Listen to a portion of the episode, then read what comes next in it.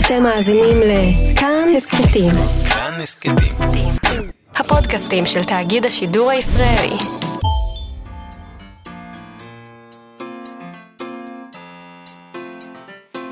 מה שכרוך. עם יובל אביבי ומה יעשה לה. שלום, צהריים טובים, אנחנו מה שכרוך, מגזין הספרות היומי של כאן תרבות, שמחים שהצטרפתם אלינו ב-104.9 או 105.3 FM, או באתר של כאן, או באפליקציה של כאן, איך שתרצו. אין לכם מושג כמה אנחנו שמחים להיות פה. יובל, שלום. כמעט כרגיל.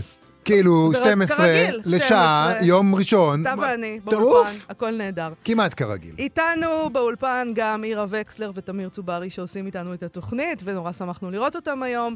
אה, ומה יש לנו היום? מה יש לנו היום? אה, שבוע חדש, אסטרטגיית היציאה של מה שכרוך היא להמשיך לשדר. נכון, לא נפסיק. נכון. אה, אז היום אנחנו נדבר עם המשורר והפעיל החברתי שלומי חתוקה, שהוא גם קולגה לתחנה.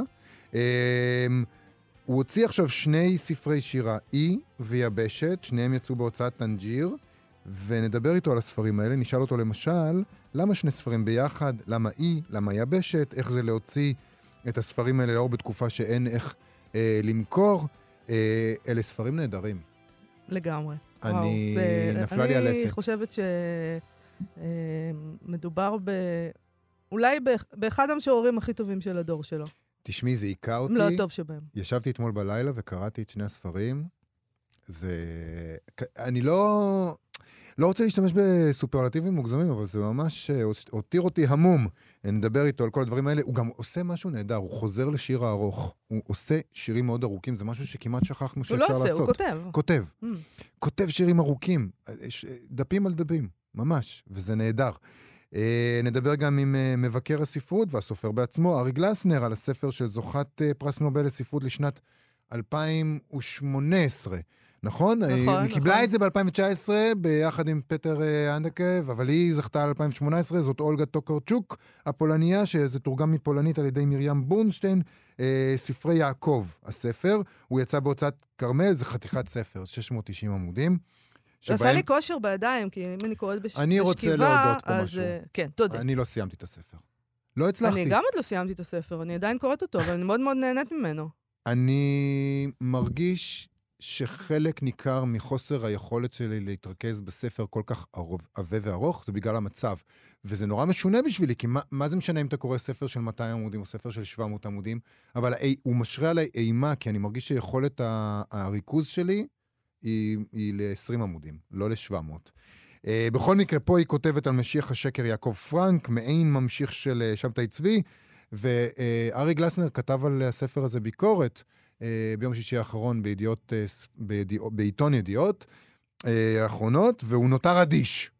נשאל אותו איך אפשר להיוותר אדיש מול 700 עמודים של היסטוריה יהודית בערך. אה, אבל בואו נתחיל עם העתיד. בטח. אה, יש עיסוק ניכר עכשיו בהווה, אבל גם בעתיד, מה יקרה ביום שאחרי, מה יקרה כלכלית, מה יקרה חברתית, אה, איך נשתנה, אם נשתנה. אני חשבתי על זה במונחים אה, הרבה יותר צנועים והרבה פחות גרנדיוזיים. אני מנסה לא להיות גרנדיוזית אה, מדי. אני, לפעמים כשאני גרנדיוזית, אני אומרת לעצמי, תורידי. תורידי. אז כדי להוריד, הלכתי ל-Publishers Weekly, לראות מה צופן לנו העתיד, אה, ויש להם שם מדור שאני מאוד אוהבת של עסקאות ספרים שנחתמו. והוא עדיין קורא? והוא עדיין קורא. עדיין קורא, הם חותמים. וזו תחושה כזאת של עתידנות מסוימת, אוקיי. קטנה כזאת. אז uh, ביום חמישי האחרון הם דיווחו שהוצאת הספרים הענקית, סיימון שוסטר, קנו את uh, הספר הבא של דיוויד קוואמן, שהוא אחד מכותבי המדע והטבע הבולטים ועטורי הפרסים באמריקה.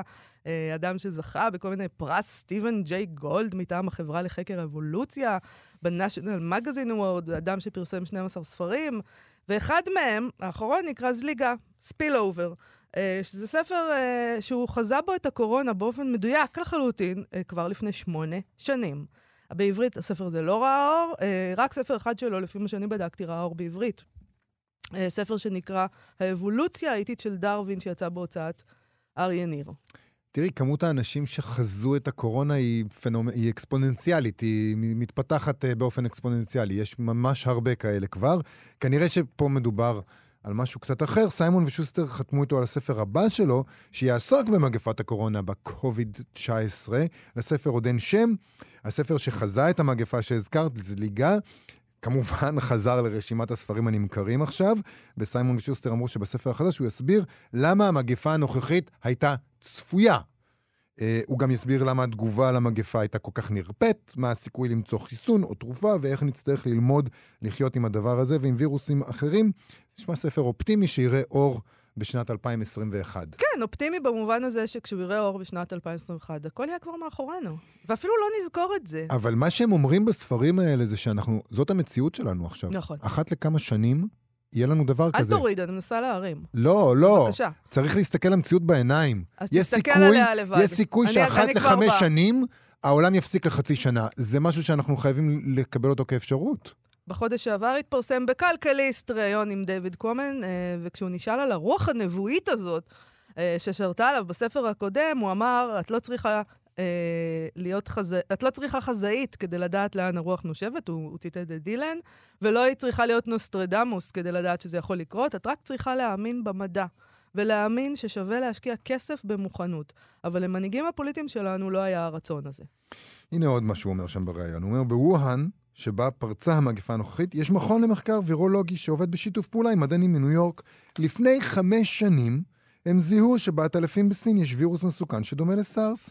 הם יודעים באילו מערות ובאיזה סוגי עטלפים. לפני שלוש שנים הם פרסמו את הדברים האלה בכתב עת מדעי, מחקר שפרס את כל המידע הזה וגם מיפה את הגנום של הווירוס. הוא זהה ב-98% לווירוס שתוקף כעת. אה, שזה נשמע הרבה, אבל יכול להיות שזה הבדל משמעותי, 2%. אני, אין לי מושג בדברים כאלה. אמ, מה עוד קרה לפני שלוש שנים, הוא אומר שם? דונלד טראמפ הושבע לנשיאות, הוא התחיל לאותת שמדע זה לא חשוב, שקיצוצי תקציבים חשובים יותר, דרש קיצוצים במרכז הלאומי לבקרת מגפות, והצליח להיפטר מאנשים במועצה לביטחון לאומי שהופקדו על מוכנות למגפות. אני מניח, ככה הוא אומר, שיש סיפורים דומים בעוד מקומות בעולם. המדע מספק את האזהרות, הוא ממשיך, אבל הרצון הפוליטי והכסף לא מזינים את המדע, משום שההכנות למגפה יקרות. לא יקרות כמו ההפסדים הכלכליים שמתרחשים עכשיו כמובן, אבל כדי לצפות את ההפסדים האלה, היה צורך להקשיב לחזון המדעי. בכל זאת, הנה, הוא גם הרים, אל תדאגי. למרות המידע המדאיג שקוואמן מספק, הוא נשמע אופטימי באופן מפתיע, ואומר, זה מתסכל אותי, אבל אני עדיין יכול לחייך ולצחוק.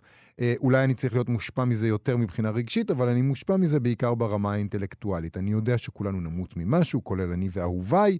אני רוצה לתרום לכך שאנשים לא ימותו או יסבלו ללא צורך. אני עושה כמיטב יכולתי. אני מסרב להיות מדוכא. החיים קצרים מספיק. צריך לעשות מה שאפשר, לחייך ולחיות. הוא נשאל בריאיון אה, איפה הוא מוצא את התקווה, אתה יודע, זה, זה אדם ש...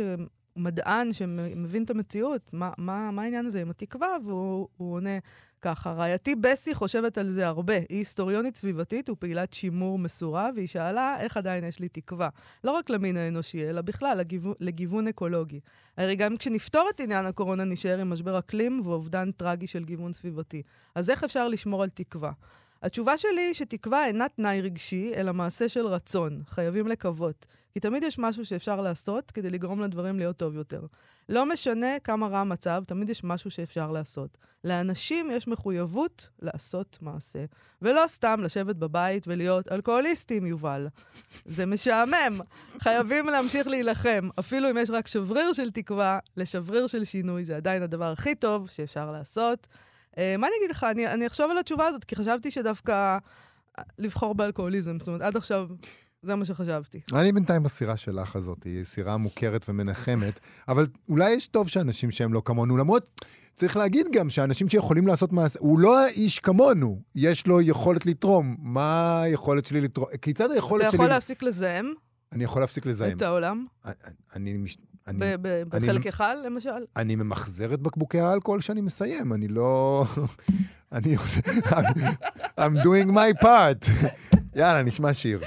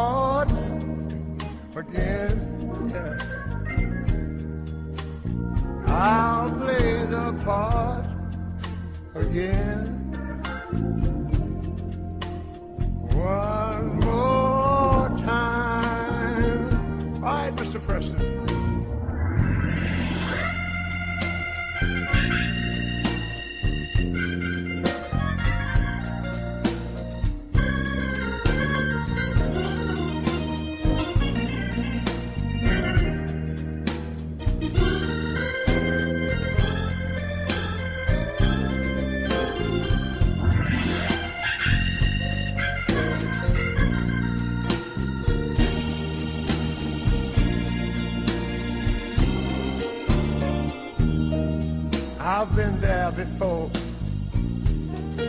You know what? I'll try it again.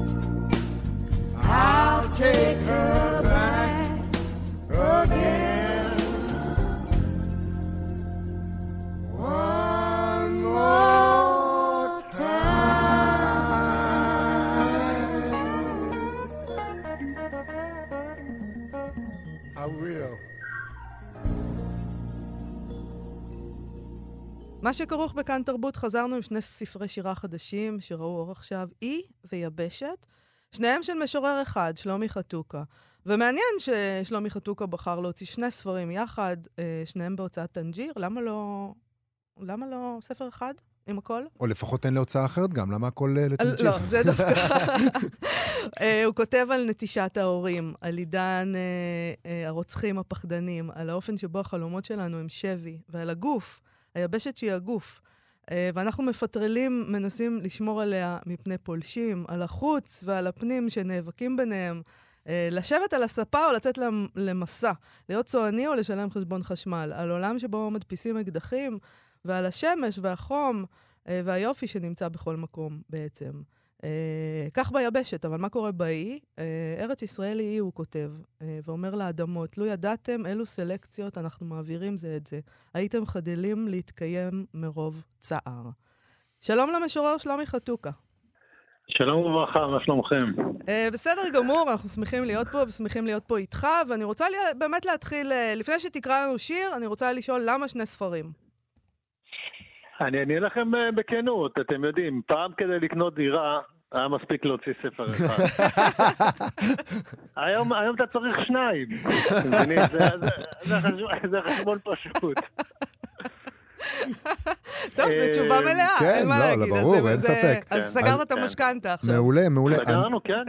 ספר אחד מיליון, שניים זה שתיים, זה מאוד פשוט, חשבון פשוט. אה, אתה גם הולך על דירות כאילו שוות. כן, יפה. כן. לא, זה, זה המינימום היום, אתם יודעים, זה בכל מקום אה, הרבה יותר מזה. אה, אני אענה לכם עכשיו ברצינות. אה, אה, קודם כל, אה, אה, אולי צריך קצת לה, להעביר את, ה, את הצורה שיש לכל אחד מהספרים האלה. הספר הוא באמת קצת יותר קטן פיזית, והוא גם עשוי מפסוקים מאוד קטנים לפעמים. נכון. אה, אבל בעצם הוא נותן תחושה כאילו הוא שיר אחד ארוך. לפעמים. אה, נכון, סוג של, סוג של. נכון, באיזשהו מקום, אה, אבל בקצב אחר, במקצב אחר. מהמם. העניין, העניין הוא כזה, יבשת הוא, הוא כאילו ספר שירה רגיל, כן? עד כמה שאפשר, אה, כאילו, אתם יודעים, ספר שירה שהמבנה שלו הוא פחות או יותר רגיל. ו... ותוך כדי שעבדתי על, על הספר הזה, בעצם כתבתי גם את הקובץ של אי. והקובץ שלי נכתב ממקום מאוד מאוד כואב וקשה, אתם יודעים, תיעדתי משפחות של חטופים, ונוצר שם הרבה הרבה כאב, והרבה מרירות, וגם חשבתי על האופן שבו הרבה פעמים אנחנו כותבים שירה, אנחנו מתייחסים לספר כמו אל חלון ראווה. השירים הם כאילו מאוד מוקצעים. הם עוברים איזשהו סינון ש... אה, אחר, רציתי שהוא לא יעבור. והיה לי מאוד חשוב גם להראות שכן, הרבה פעמים המחשבות שלנו, הם, יש להם אה, אה, שתי פנים. והרבה פעמים יש את ה... כאילו את מה שאנחנו מתייחסים אליו כמו שאריות, שאנחנו אומרים, אוקיי, זה פסולת, אני זורק את זה. אה, ורציתי קצת אה, לעשות איזשהו ניסוי ב... בלתת גם, גם למקום הזה בעצם להתייחס אליו, אה, אז להתייחס אי אליו הוא כאילו? אי הוא כאילו התת-מודע הזה, המודחק בדיוק. של היבשת. כן, כן, כן, כן, אה, כן. ו... מבחינתי הם באמת באים יחד, הם, אה, הם, הם תאומים. אומרת, הם גם מבחינת התוכן תאומים שלהם. לא זהים, כן, תאומים לא זהים. תאומים לא זהים, נכון. כן. לא, זה, כן. זה התהום הרע והתהום הטוב, כן? אחד, אתה כן. יודע, כמו בנישואים כן. כאלה שמשתבשים, עושים את כן. האדם המושלם, יוצא בן לא אדם צריכים אחד. להשתבש, זה כמו בנישואים, זה מספיק להגיד. כן. וגם רציתי, ש... רציתי גם אתגר, זה גם מאוד אתגר אותי. זאת אומרת, הייתה לזה סיבה אמיתית, אבל הס- הסיבה האמיתית השנייה הייתה לאתגר, זה משהו שלא נעשה. ורציתי קצת להרים את הרף, אם לא בשביל אחרים, לפחות בשביל עצמי. היה לי מאוד מאוד חשוב לעשות את זה. ואז, אבל, אבל האתגר אה, הכפיל את עצמו עם הקורונה, הפתיע אותך. אמר לך, רגע, כן, אתה רוצה כבר- אתגר, כן. חביבי? בבקשה. בוא אני אראה לך מה זה כן. אתגר. כן, כן. אף על פי שזה גם התאים את השירים קצת במשמעות אחרת. אפילו נכון. הכריכות הפכו להיות מאוד מאוד אה, דומות לזה. לא, גם אה, עכשיו, אה, גם עכשיו השיר הראשון של יבשת, שנקרא מפץ הגדול, אני חייב להקריא, חיינו מפץ גדול. אנחנו מתרחקים זה מזה, המרווחים בינינו הולכים וגדלים, אי אפשר לעצור את התנופה, את ההתפשטות. אלה המילים שבהם נפתח אה, הספר יבשת, ספר השירים, שזה באמת, אתה קשה לא לחוש אה, שזה נבואי, באמת, אנחנו, הכל נראה לנו נבואי כרגע, אבל זה, זה אחד לאחד. אה, כן, יש כמה שירים, גם השיר בבית נגיד, ו- ונטישה. אה, זה, זה קצת באמת מוזר לחשוב על זה, אבל אתם יודעים, התחושה שחווינו אותה בשנים האחרונות, אה, אה, היא הייתה תחושה של הרס וחורבן של העולם שאנחנו חיים בו. ומתחת לפני השטח גם הרס של הקשרים האנושיים על חשבון הקפיטליזם והכסף. זאת אומרת, אני כן חושב שזה היה באוויר, ואנחנו, בגלל כל הרצון שלנו לחיות, ותחושת הניצחון שיש לנו כבני אדם על, על העולם והטבע, קצת, אה, קצת טשטשו את העובדה הזאת. אה, לא ציפינו למכה כזאת, אבל, אבל היו, היו, היו תחושות, דיברו גם על משבר האקלים ועל אה, דברים נוספים שבהחלט נתנו איזושהי תחושה. מה שכן, גם בשיר הזה ספציפית, אני לא יכול להגיד לך, ככה אני חושב שבאמת החיים, אתה יודע, אנחנו באמת מתבגרים, ויש איזה מפץ גדול שמרחיק אותנו אחד מהשני. אמ, אז, אה, אז, אז יכול להיות שלפעמים היה מזל, ולפעמים באמת הייתה איזושהי אה, התכווננות ש- שהתאימה למצב הזה. לא נגיף כל כך אה, מטורף, אבל, אבל כן, כן, כן לעולם ולמה שעובר עליו מול זה- הטבע. זה נכון, אנחנו רוצים מאוד מאוד לשמוע אותך עכשיו קורא לנו שיר אחד מהקובץ הזה, יבשת.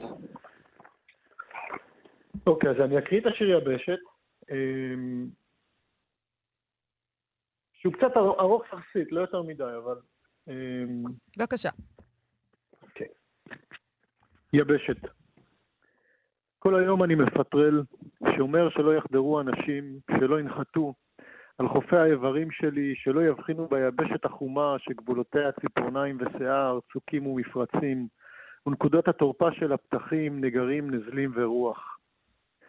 יבשת, כמה אנו דומים. היו מי שניצלו אותנו, קראו אוצרות בתוכנו ולא השיבו תודה. גרועים יותר מילאו אותנו פסולת שאינה מתפרקת, וכל החיים ניאבק לפנות. היו דברים כה מזהירים שחשבנו שהם נצחיים, ובשעות בודדות נטרפו. היו חפים מפשע שסופות שנוצרו הרחק בליבנו היכו ללא רחם. היו ימים שחלחלו חלחלו בנו מים בתהומות, וימים שהרעפנו חינם אהבה. וקרה לשנינו שנותקנו פתאום מחלק שחשבנו לגוף, להמשך הבשר, שרחק ונסחף מאיתנו, נעלם מעינינו. כוחות שלא הבנו פשרם הזיזו לוחות, תנודות בליבת הכדור כפו עלינו לנדוד. וכשם שגילו ששתי יבשות היו לפנים יבשת אחת, כשמצאו מאובנים דומים משני אברי האוקיינוס, כך מזהים אוהבים ישנים, בודדים החולקים אותם זיכרונות. והיום לא בטוחים לקראת הבאות, חרדים מפני התמוססות קרחונים, האם יגביהו מעלינו המים וכסו אותנו כליל, או יעתיקו אותנו לדבוק בגוף אחר, להינצל. אנו יודעים, רק זוגות צועדים תהלוכות ניצחון. רק אהבה היא כיבוש שנסכים לקבל. ויש מי שפולשים אלינו בלי לשאול, החלומות, כמו מהגרים הממתינים לחשיכה. מיטלטלים נסתרים מהעין בסירה רעועה, אנו מתקשים לפענח את שפתם הזרה. חותרים מסוף היום אל שפת היום, רבים טובים חסרי זכר ושם בים עצום ולא גלוי דיו.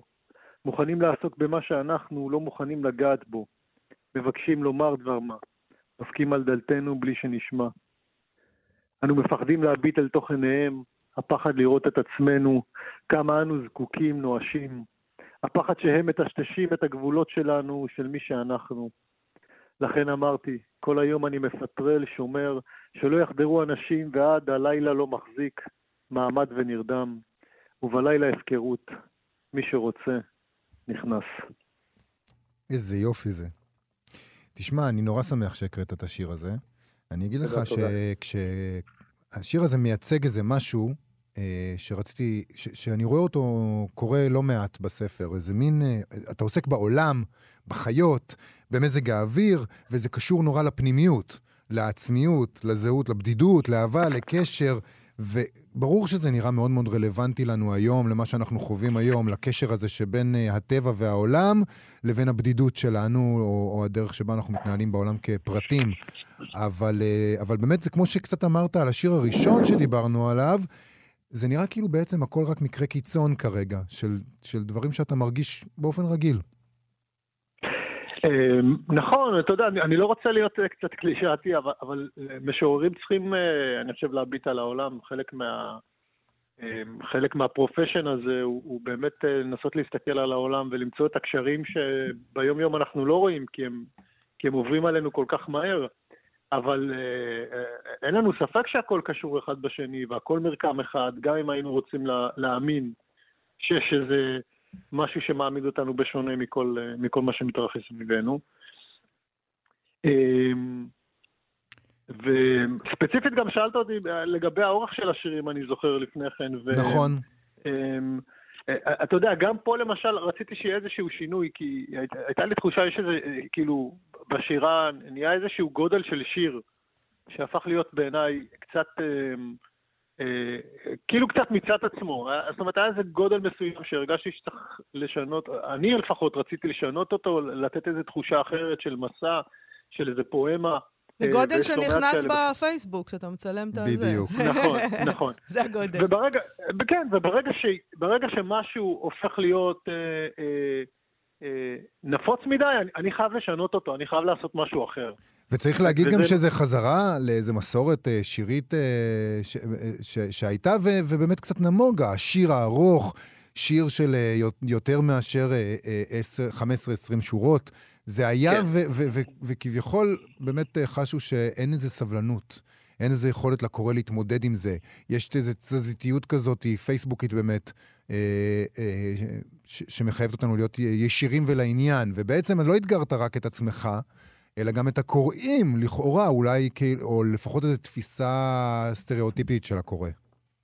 כן, לפי התגובות, אתה יודע, אם יורשה לי, אני מרגיש שזה דווקא הצליח. אה, יכול להיות שיש איזה, הרי משוררים הם אומנים, גם אומן צריך לנסות להבין מה, מה הפעולה הנכונה לעשות, זאת אומרת, מה, מה הכיוון שצריך לעשות אותו, ולאו דווקא לזרום, לזרום עם, עם זאת אומרת, לזרום עם, ה, עם הכל, עם, עם אותו כיוון.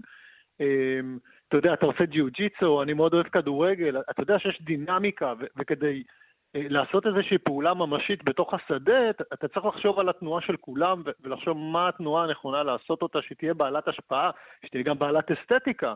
אמ, ו- ויכול להיות שאני הרגשתי ש- שבגלל שהכל מיידי והכל אה, עובר כל כך מהר, הייתי צריך איזושהי תחושה של מסע. זאת אומרת, כבר היה לנו קשה מאוד לצאת למסע, שום דבר כבר לא מוציא אותנו למסע, הכל מיידי, הכל אה, חולף ועובר בצורה כל כך מהירה, ויכול להיות כדי להשאיר איזשהו אימפקט, היה צריך תנועה אחרת, היה צריך אה, מרווח נשימה אחר, היה צריך מקצב אחר, ועשיתי את זה קודם כל בשביל עצמי, אבל אני, אני מרגיש שזה גם אה, הייתה, אה, זאת אומרת, ש- שזו הייתה מחשבה נכונה. אתה לגבי גם- קוראים. אתה גם מתעסק הרבה ב, בשני הספרים, ב, הייתי אומרת ב, בהורים, ב- באימא ואבא. אולי ביבשת יותר באימא ובאי יותר באבא. אה, כל הדרכים מתפוגגות מלבד הדרך לאימי. כן. אתה עושה עם עצמך כן. איזה חשבון שם, ואיתם. אמ, אני גם, כן, אני גם עושה חשבון אה, עם, אה, אתם יודעים, אני חגגתי 40 אה, לא מזמן, אני כבר ממש חגגתי 42 לאחרונה. יש איזה, יש איזה מהפך, ב, ב, ב, נראה לי, בשכבת גיל הזה. אתה קצת מסתכל על דברים מהצד השני. אמ, ו, וקשה ש, של, שלא לראות את, ה, את העוגנים המאוד חזקים בחיים שלנו. אמ, ו, ובמקרה שלי, את יודעת, זה באמת נכון. הדרך לאימא היא תמיד הדרך החשובה ביותר, המעניקה ביותר. זה כמו אה, חבל טבור ש, שהוא ניתק רק, אה, רק כאילו, אבל הוא לא באמת ניתק סמלית או מטאפורית או, או מעבר לזה. יש בו עדיין את המעבר ואת האהבה ואת, ה, אה, ואת ההענקה. וזה דברים שאנחנו עדיין מנסים להבין אותם, אה, נראה לי, בעולם הזה. אה, ואבא, לעומת זאת, כן. הוא כמו אבות, הם, אה, מה מה הם יודעים לעשות, כאילו? לנטוש? אה, ל- כן, כן. כן. צריך, לב- כמו שאתה כותב, מי- מי הזאב הכי פחות משוגע? כן, אתם יודעים, אנחנו גם חיים היום בעידן שבו גברים עושים חשבון נפש אה, אה, לא פשוט, לא רק בקשר ליחסים שלהם עם נשים, אלא גם כאבות. אני רואה איזשהו שינוי מאוד מאוד עצום אה, באופן שבו גברים בודקים איך הם אה, מתנהלים בתור אבא, וסטנדאפיסטים צוחקים על זה בצורה אחת, משוררים מדברים על זה בצורה אחרת. אמ, אנחנו ממש כאילו בלב ליבו של, של ה, ש, ש, בלב ליבה של התנועה הזאת. ואנחנו די מתחבטים, אבל בין השאר גם צריכים לבוא חשבון נפש. אמ, אני תמיד אומר, משפחה זה עסק, אבא זה העסק. אז, אז אולי לקראת סיום נשמע קצת מזה גם? על, על האב מתוך אי? בסדר גמור. בבקשה. אמ, משפחה צריכה להיות קליפת קטניה. להתבשל איתך וברגע הנכון להיפתח, לתת לך לזלוג החוצה. אי המטמון. אבי השתמש בנו לגאווה. במקום על גיטרות התאמנו על התרג'ום. אין בזה כסף. שילמתי כדי לשמוע את פאקו דה לוסיה. לשנינו היה אבא משוגע, שלי היה גם איש עסקים גרוע. אי הצלחה. היינו האליבי שלו. אבא שלי קנה לעצמו טוסטוס, משפחה עם טוסטוס. רק על זה היו צריכים לתלות אותו. אם נוצרים, אם נוצרים באלפי דרכים, למשל בהתפרצות הר געש השוכב בסלון, זרמי הלבה נשפכים לכל החדרים. אביך הוא אי. אני מקווה שאי נוח, מזג אוויר סביר, אם אי אכזר, קשה ואפל, ברח מן האי, גם אם יעלה במותך. ההר הגבוה בעולם הוא אביך. אב רפאים. כל אחד צריך לחבק אב, גזע עצום שידיך לא יקיפו. בגלל זה הסימפתיה למחבקי עצים. או כותל לא מובן. אני מבין מדוע תוכבים משאלות בסדק בקיר. להמשיך? היינו ממשיכים לתמיד, וואו, אבל... את אה, כל הספר. אבל אה, זמננו. באמת, אה, אז, באמת אז, נגמר. אז אולי, אולי משפט לסיום, אני חייב. להזכיר את, את צוות האורחים שהיה לי פה. אני יצאתי למסע הזה עם רון דן, אה, שערך את אי, ואחר כך אה, נעזרתי ביערה שחורי, ורועי חסן שערך את אה, יבשת, וגם שי שניידר אילת. אה, אה, עברה איתי על, על הספר, זאת אומרת, היה לי, היה לי גם איזשהו מסע בין, בין אנשים מבריקים וחכמים מאוד. ו...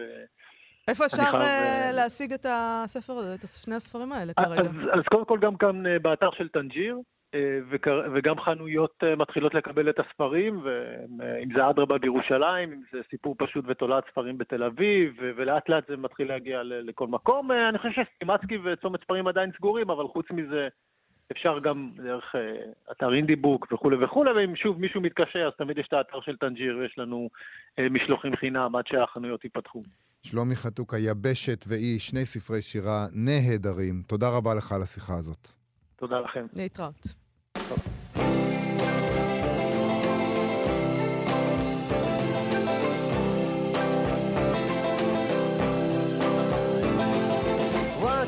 Time you dress so fine, through the bumps of dime in your prime.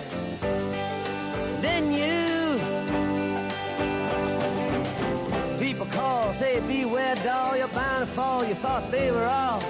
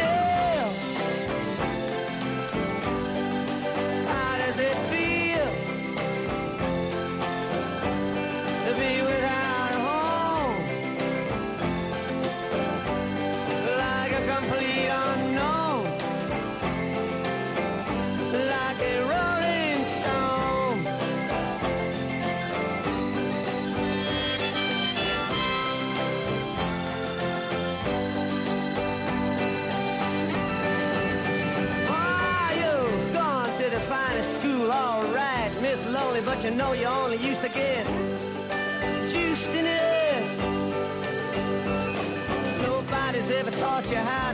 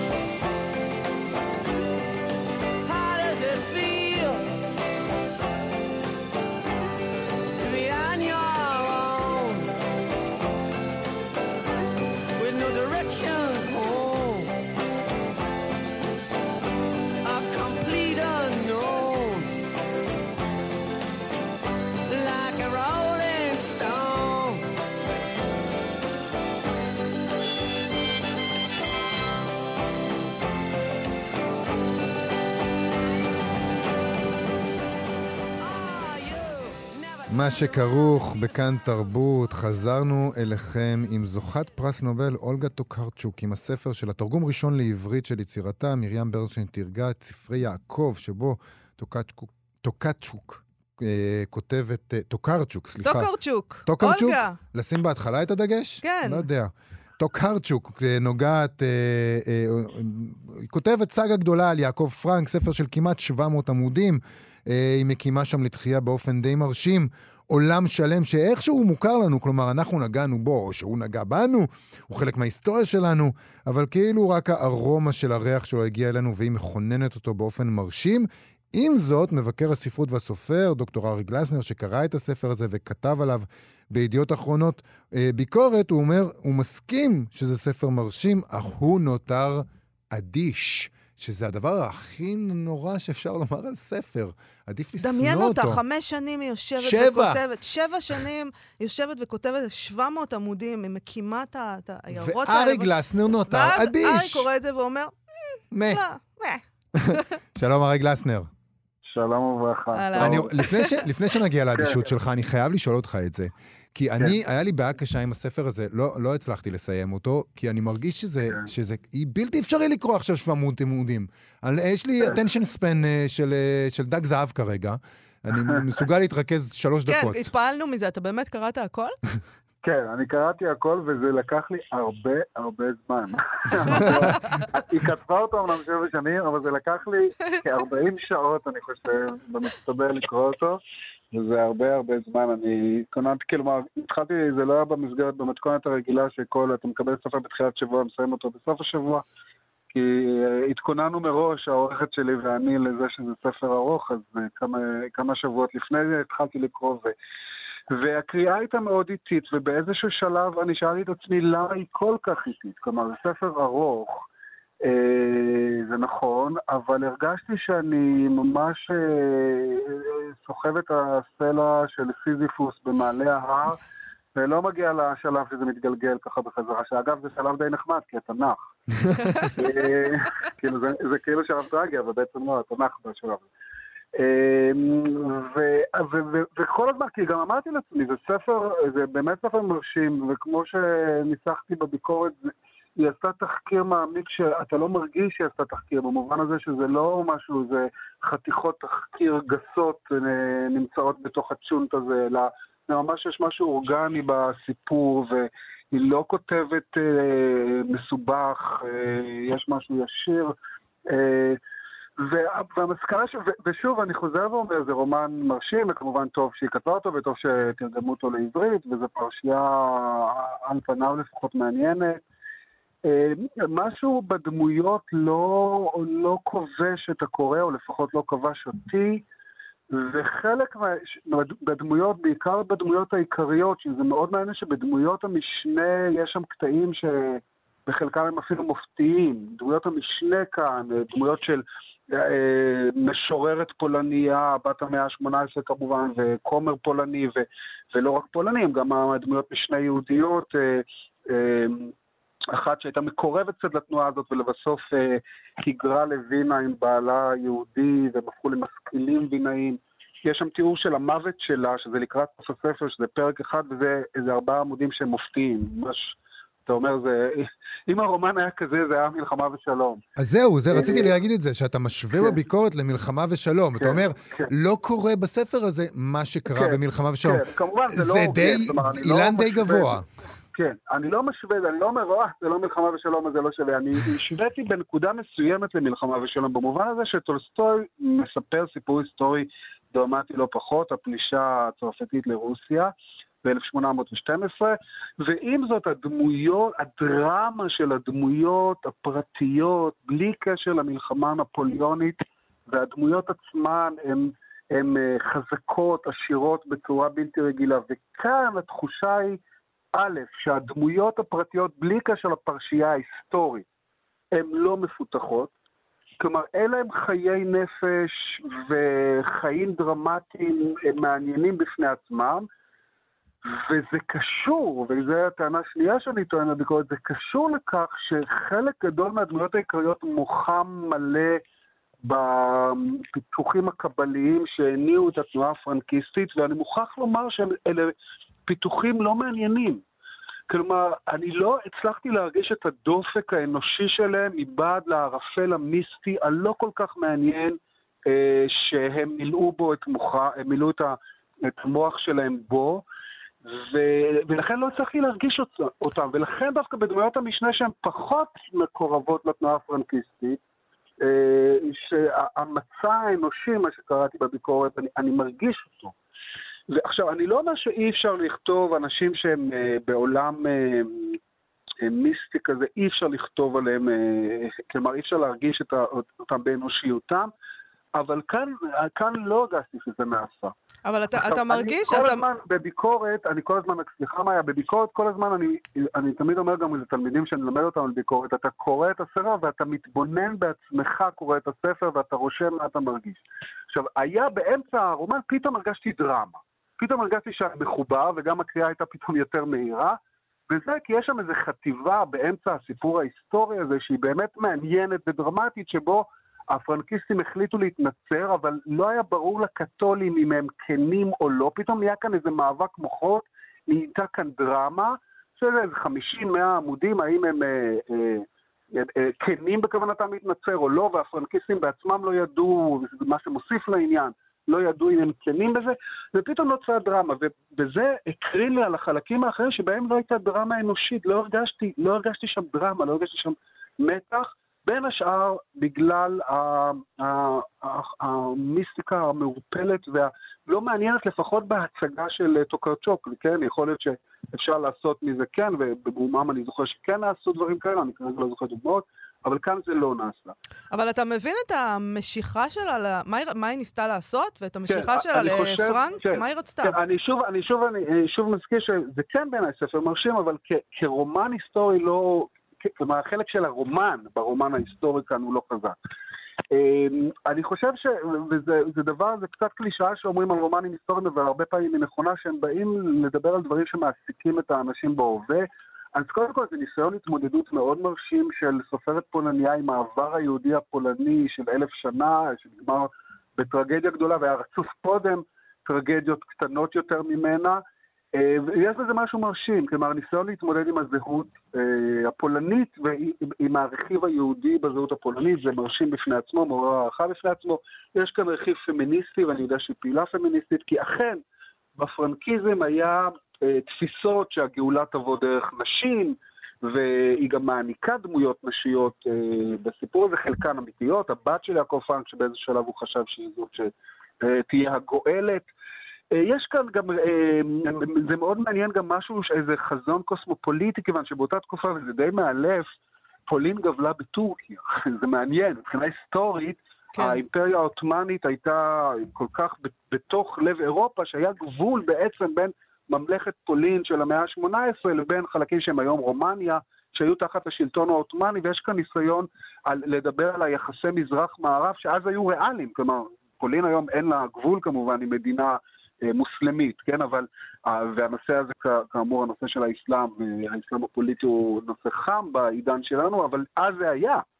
ולכן יש כאן איזה, אה, התנודה של היהודים, ולא רק יהודים אגב, היהודים בין הטורקיה, בין האימפריה העות'מאנית המוסלמית לבין פולין, הייתה אז דברים שבכל יום, וזה גם קשור לנושא שמעסיק אה, את, ה, האקטואליה הפולנית היום בהקשר של שנאת זרים וכל מיני דברים כאלה. אה, ואני חושב גם, וזה משהו שהרבה סופרים מצאו עניין בקבלה באופן כללי, זה הכוח של המילה, הכוח שהקבלה העניקה למילים, זה גם אצל בוכס רואים את זה, וברונו שולץ, שהוא אולי יותר רלוונטי במקרה הזה בהיותו יהודי פולני. אני חושב שיש גם משיכה כזאת, מכיוון שיש לי טענה שכל יצירה גדולה שיוצאת היום, או שאפתנית שיוצאת היום, עוסקת באופן סמוי או גלוי גם במעמד של המדיום הספרותי בתוכה. בתוך היצירה, אז יכול להיות שגם כאן המשיכה כאן לתמונת העולם הקבלית היא גם משהו ש... איזה צורך של ההווה. אריק, אנחנו צריכים עוד מעט כן. לסיים, אבל אני רוצה כן. להספיק לשאול אותך, האם אתה חושב... אה, אני חושב שאפילו אתה כתבת על זה, על זה שזכייה בפרסים לא מעידה יותר כן. מדי על, אה, על איכות הסופרים כן, ש... כן. שזכו בהם, ושיש... כן. אתה מבין למה היא זכתה בנובל? אתה מבין תראה, אני, מדוע... יש, אני קראתי רק, רק את זה, כיוון שזה הדבר היחיד שתורגם לעברית, ולא קראתי באנגלית ספרים אחרים שלה, ופולנית כמובן לא דובר.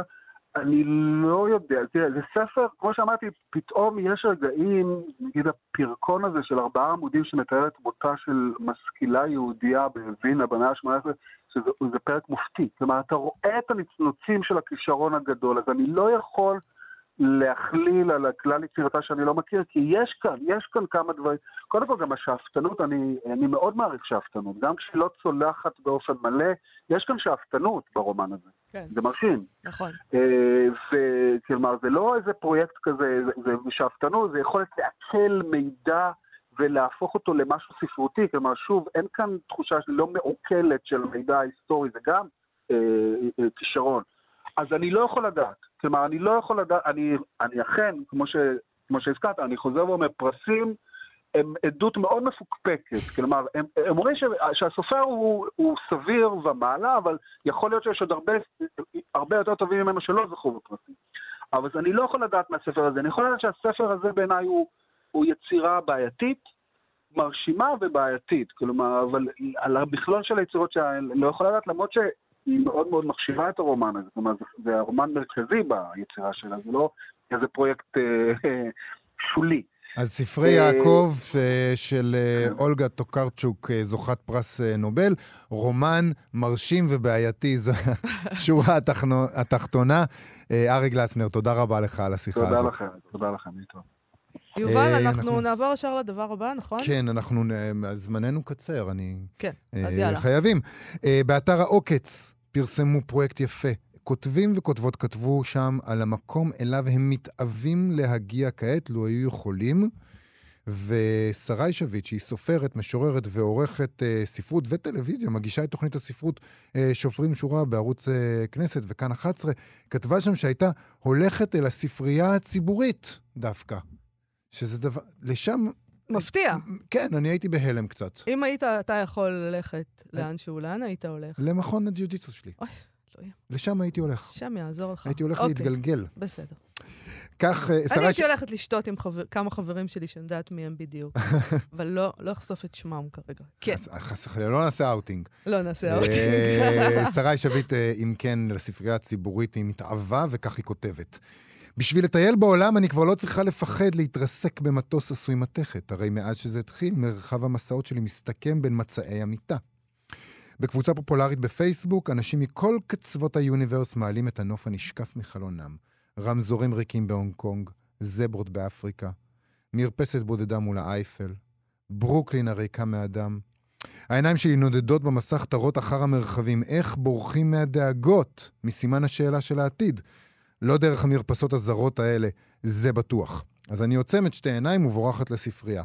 בשכונה שאני גרה בה עומדת ספרייה ציבורית חלומית. קיים בה כל ספר שאי פעם חשקתם בו או שמעתם עליו.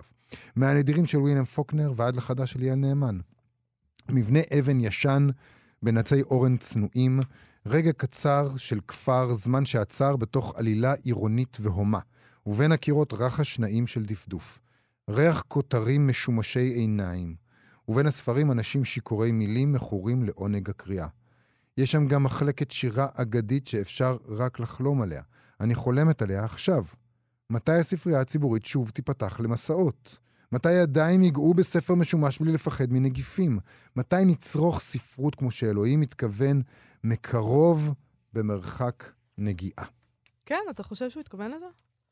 אוקיי, אה, היא ממשיכה. מילים לא מתקנות כלום, גם לא את המגיפה הזאת, ובכל זאת, צפונה במלבן המיטה שלי, אני קוראת כדי לא להיות אבודה.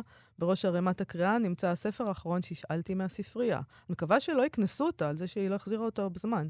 קובץ שירים מאת המשורר הפולני צ'סלב מילוש. מילוש המושאל הפך לשלי עד למועד בלתי ידוע, פניו שעל הכריכה עטופות בניילון, מביטות אליי מתוך חיים אחרים. אני פותחת בו עמוד מקרי כמו שאנשים מאמינים עושים. קוראת בקול רם את השורות הקצוצות, ונבלעת בתוכן כמו בכיס אוויר, והיא, אה, ויש פה את השיר שהיא פתחה וקראה, שנקרא משמעות. כשאמות אראה את הבטנה של העולם, הצד השני, מעבר לציפור, להר, לשקיעת השמש. הפשר האמיתי יתגלה, הלא פתור, ייפתר. הלא מושג, יושג. ואם אין לעולם בטנה, אם ככלי על ענף איננו סימן, כי אם ככלי על ענף, אם יום ולילה, באים זה אחר זה בלי פשר, ואין דבר על פני האדמה, חוץ מהאדמה הזאת, אפילו כך, עדיין תישאר המילה שבקעה פעם מפי בן חלוף, והיא רצה ורצה, ציר בלתי נלאה. שלוח אל מערכת הכוכבים, מסלול שביל החלב, והוא מוחה, קורא בקול, צועק. אה, זה אה, מתוך אה, באור יום, ש- תרגום של דוד ויינפלד, זה ספר שיצא באבן חושן. אה, ומצא חן בעיניי העניין הזה כאן בגלל העניין של המוחה וצועק, שזה משהו שאנחנו לא עושים. נכון. לא מוחים ולא צועקים. אה, טוב. בכלל- וקצת רגע לפני סיום, יש לנו עוד משהו קטן, נכון? נכון, לכו בכלל לפרויקט הזה, אבל בעוקץ. אה, נכון. יש שם פרויקט דברים מאוד יפים. יפה בעוקץ. דברים כן. מאוד יפים. או, העוקץ זה אתר, תקישו חינם, אין בגוגל כסף, העוקץ, תכתבו העוקץ. ת- תגיעו לשם, תראו מה האנשים אה, כותבים. ואנחנו באמת אה, חייבים עוד מעט לסיים, אז אה, אה, נסיים עם אה, סטטוס סטטוס. ספרותי קצר של כן. הסופר מתן חרמוני, שכותב כך: הרהורים על שוק הספרים, ערב ראש השנה תשפ"א. כשכל זה ייגמר, או שאולי רק יתחיל, צומת וסטימצקי יהיו שתי עגלות מוכרי ספרים שעוברות בנערים, בני ברק, יבנה, טבריה וירושלים. האחת צבועה בצהוב לצומת, ואותה נוהג אבי שומר, ובשנייה נוהגת ג' יפית. הסוסים כבר לא כל כך צעירים, והם נאנחים תחת עול המסע הכבד, שכן ישראל לא נוצר את קולמוסו. וגם יפית ושומר יאנחו וינגבו במטפחת עגלי זיעה מהמצח לפני שיכריזו בקול על סחורתם. אה, וכמה סופרים ירוצו בעקבות העגלות כדי לראות אם קיפחו את הספר החדש שלהם ולא נתנו לו את המקום הראוי לו על ערימת החציר. וגם אני, שקוטנם עבה ממותני, רץ יחד איתם. זה עתיד הספרות מפי מי שחקר ולמד את הספרות היידישית, אה, יידישאית. אז זה, זה, זה- בעצם אנחנו נחזור אחורה. עגלת החציר ומוכרי זה הספרים. לא, אנחנו נחזור לנורמה, לנורמל, אתה יודע. אנחנו בינתיים אה, צריכים לסיים, כן, נכון? זה מאוד חבל. אבל אה. אנחנו צריכים לסיים. אה, אנחנו נהיה פה שוב מחר, שזה מאוד משמח. נכון. מחר בשעה 12 כרגיל בעצם. בואו נודה לאירה וקסלר ותמיר צוברי שעשו איתנו את התוכנית. אה, להתראות, יובל. להתראות.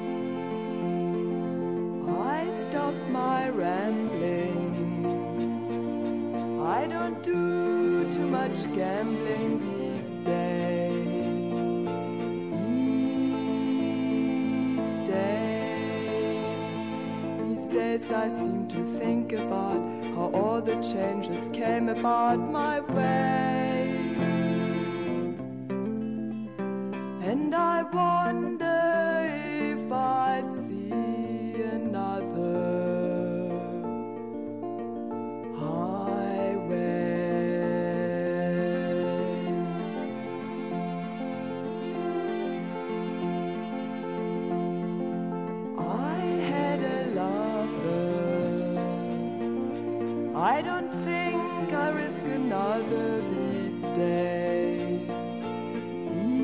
These days. And if I seem to be afraid to live the life that I have made in song, it's just that